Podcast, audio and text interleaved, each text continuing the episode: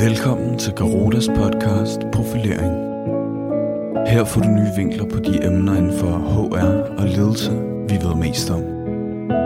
Vores mål med podcasten er, at du får bedre forudsætninger for at profilere dig på dit job og i din karriere, ved at du reflekterer over dig selv, dine kompetencer og dine mål. Dette afsnit hedder Ledelsesudvikling eller Leadership Bullshit.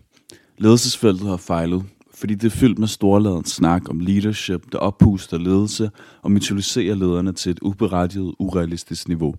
Kritikken er nådesløs, når diskrepansen mellem uendelige tilbud om ledelsesudvikling og en stigende utilfredshed med job og ledere skal forklares. Måske ligger løsningen i at vende tilbage til the basics. Af Mikkel Hune Toksvig. For et par år siden kunne vi, der deltog på HR-træfpunkt, høre oplægsholdere erklære, at ledelserne i både Danmark og resten af verden har spillet for lidt. Belægget for denne påstand fandt de blandt andet i en række verdensomspændende undersøgelser. En af de mest markante er Gallup's State of the Global Workplace, der viser, at blot 15% af medarbejderne på tværs af 155 lande føler sig engageret i deres arbejde. 67% er uengageret, mens 18% er aktivt uengageret, hvilket vil sige, at de åbent lufter deres utilfredshed og modarbejder processer. I Danmark ligger tallene på henholdsvis 16, 73 og 11 procent. Men også to andre undersøgelser er værd at bemærke. Den første viser, at 25 procent af den amerikanske arbejdsstyrke gerne vil bytte tilbud om en betydelig lønstigning ud med, at deres nærmeste leder blev fyret. Den anden påpegede, at tilliden til politikere og virksomheder blandt den amerikanske befolkning var styrtdykket med 30 procentpoint fra 90 procent til 60 procent på under 20 år. Disse alarmerende tal har undret mig siden. For hvordan kan det være, at så mange medarbejdere på verdensplan ikke er tilfredse med hverken deres job eller leder, når vi bruger uendelige mængder penge på ledelsesudvikling, og der aldrig har været så mange muligheder for at dygtiggøre sig på området? Disse spørgsmål er omdrejningspunktet for dette afsnit af profilering, hvor jeg lader nogle af de kritiske stemmer komme til ord i forsøget på at besvare, hvorfor de uegnede muligheder for ledelsesudvikling ikke materialiserer sig i medarbejdertrivsel eller engagement voksende efterspørgsel. De, der beskæftiger sig med ledelse, hører hvert år om nye, normative ledelsesretninger og tanker. Det flyder ud med bøger, kurser, workshops og efteruddannelser i autentisk ledelse, situationel ledelse, compassion-baseret ledelse, generøs ledelse, karismatisk ledelse, tjenende ledelse, narrativ ledelse og værdibaseret ledelse. Buzzwords for nogen, levebrød for andre og banebrydende for andre igen. De mange begreber og retninger fører til en voksende efterspørgsel på ledelsesudvikling og skaber et eksorbitant marked. For en håndfuld år siden vurderede McKinsey således, at virksomheder årligt bruger over 100 milliarder kroner på at udvikle deres ledere. Og det alene i USA. Alligevel er medarbejderne utilfredse som aldrig før.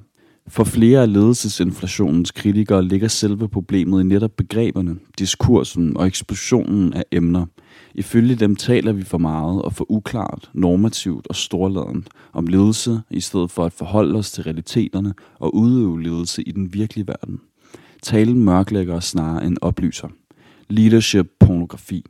Matt Alverson, der er ledelsesforsker og professor på Universitetet i Lund, mener, at ledelsesdiskursen oppuster feltet til et uberettiget niveau af grandiositet. Han kalder det leadership pornografi, Martin Luther King og Mandela snak.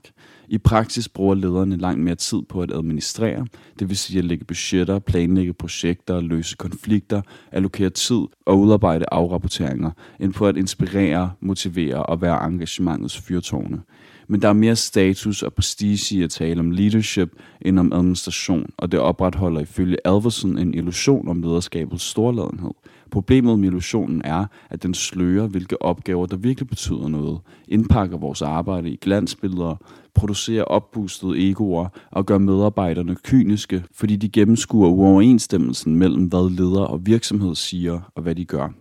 Ledelsesmytologi. I bogen Leadership BS tager Jeffrey Pfeffer, der er professor i organisationsadfærd på Stanford University, tråden op for Alverson. Han skriver, at årsagen til den store andel af utilfredse og uengagerede medarbejdere findes i kvaliteten af den bunede ledelsesindustri, eller rettere i manglen på samme.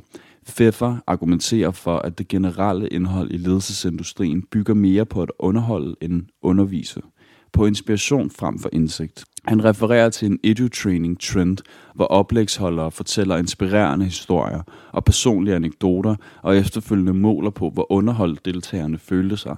Trenden går igen i biografier og på kurser, hvor ledere efterrationaliserer deres beslutninger og hæver specifikke erfaringer op på et generelt plan, som læserne angiveligt kan overføre til deres hverdag.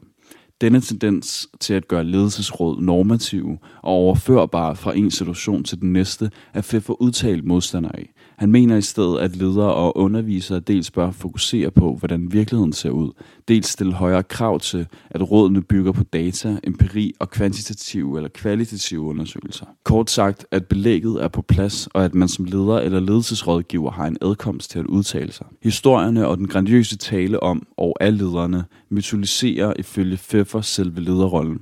Det kan føre til, at normale medarbejdere føler sig underlegne, og at ledere ikke kan leve op til deres egen omtale, og skabe en misforstået accept af, at nogle ledere får op til 100 gange mere i løn end almindelige ansatte. En human lederrolle. For Pfeffer ligger en del af løsningen på de globale ledelsesproblemer i at humanisere og demotivisere lederrollen.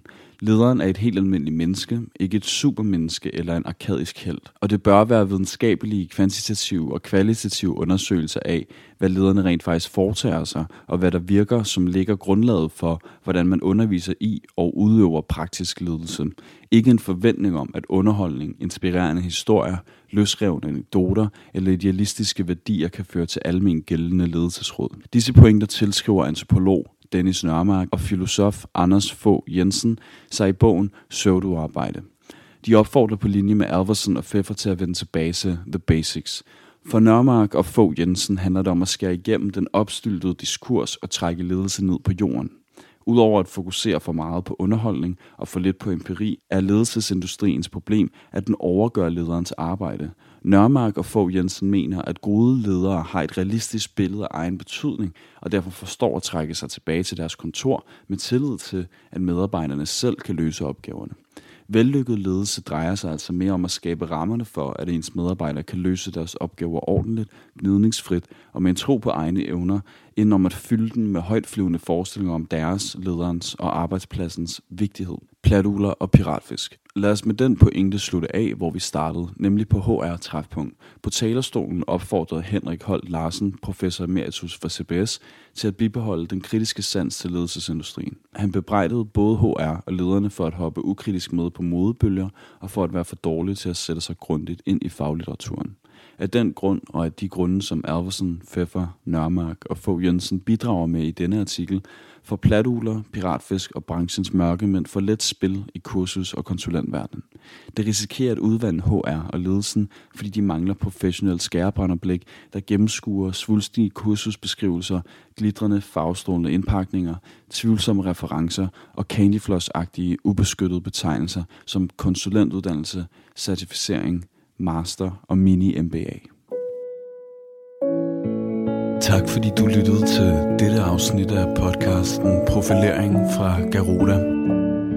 Hvis du vil have mere viden om HR og ledelse, så lyt med næste gang. Eller besøg vores blog Profil på garuda.dk. Vi høres ved.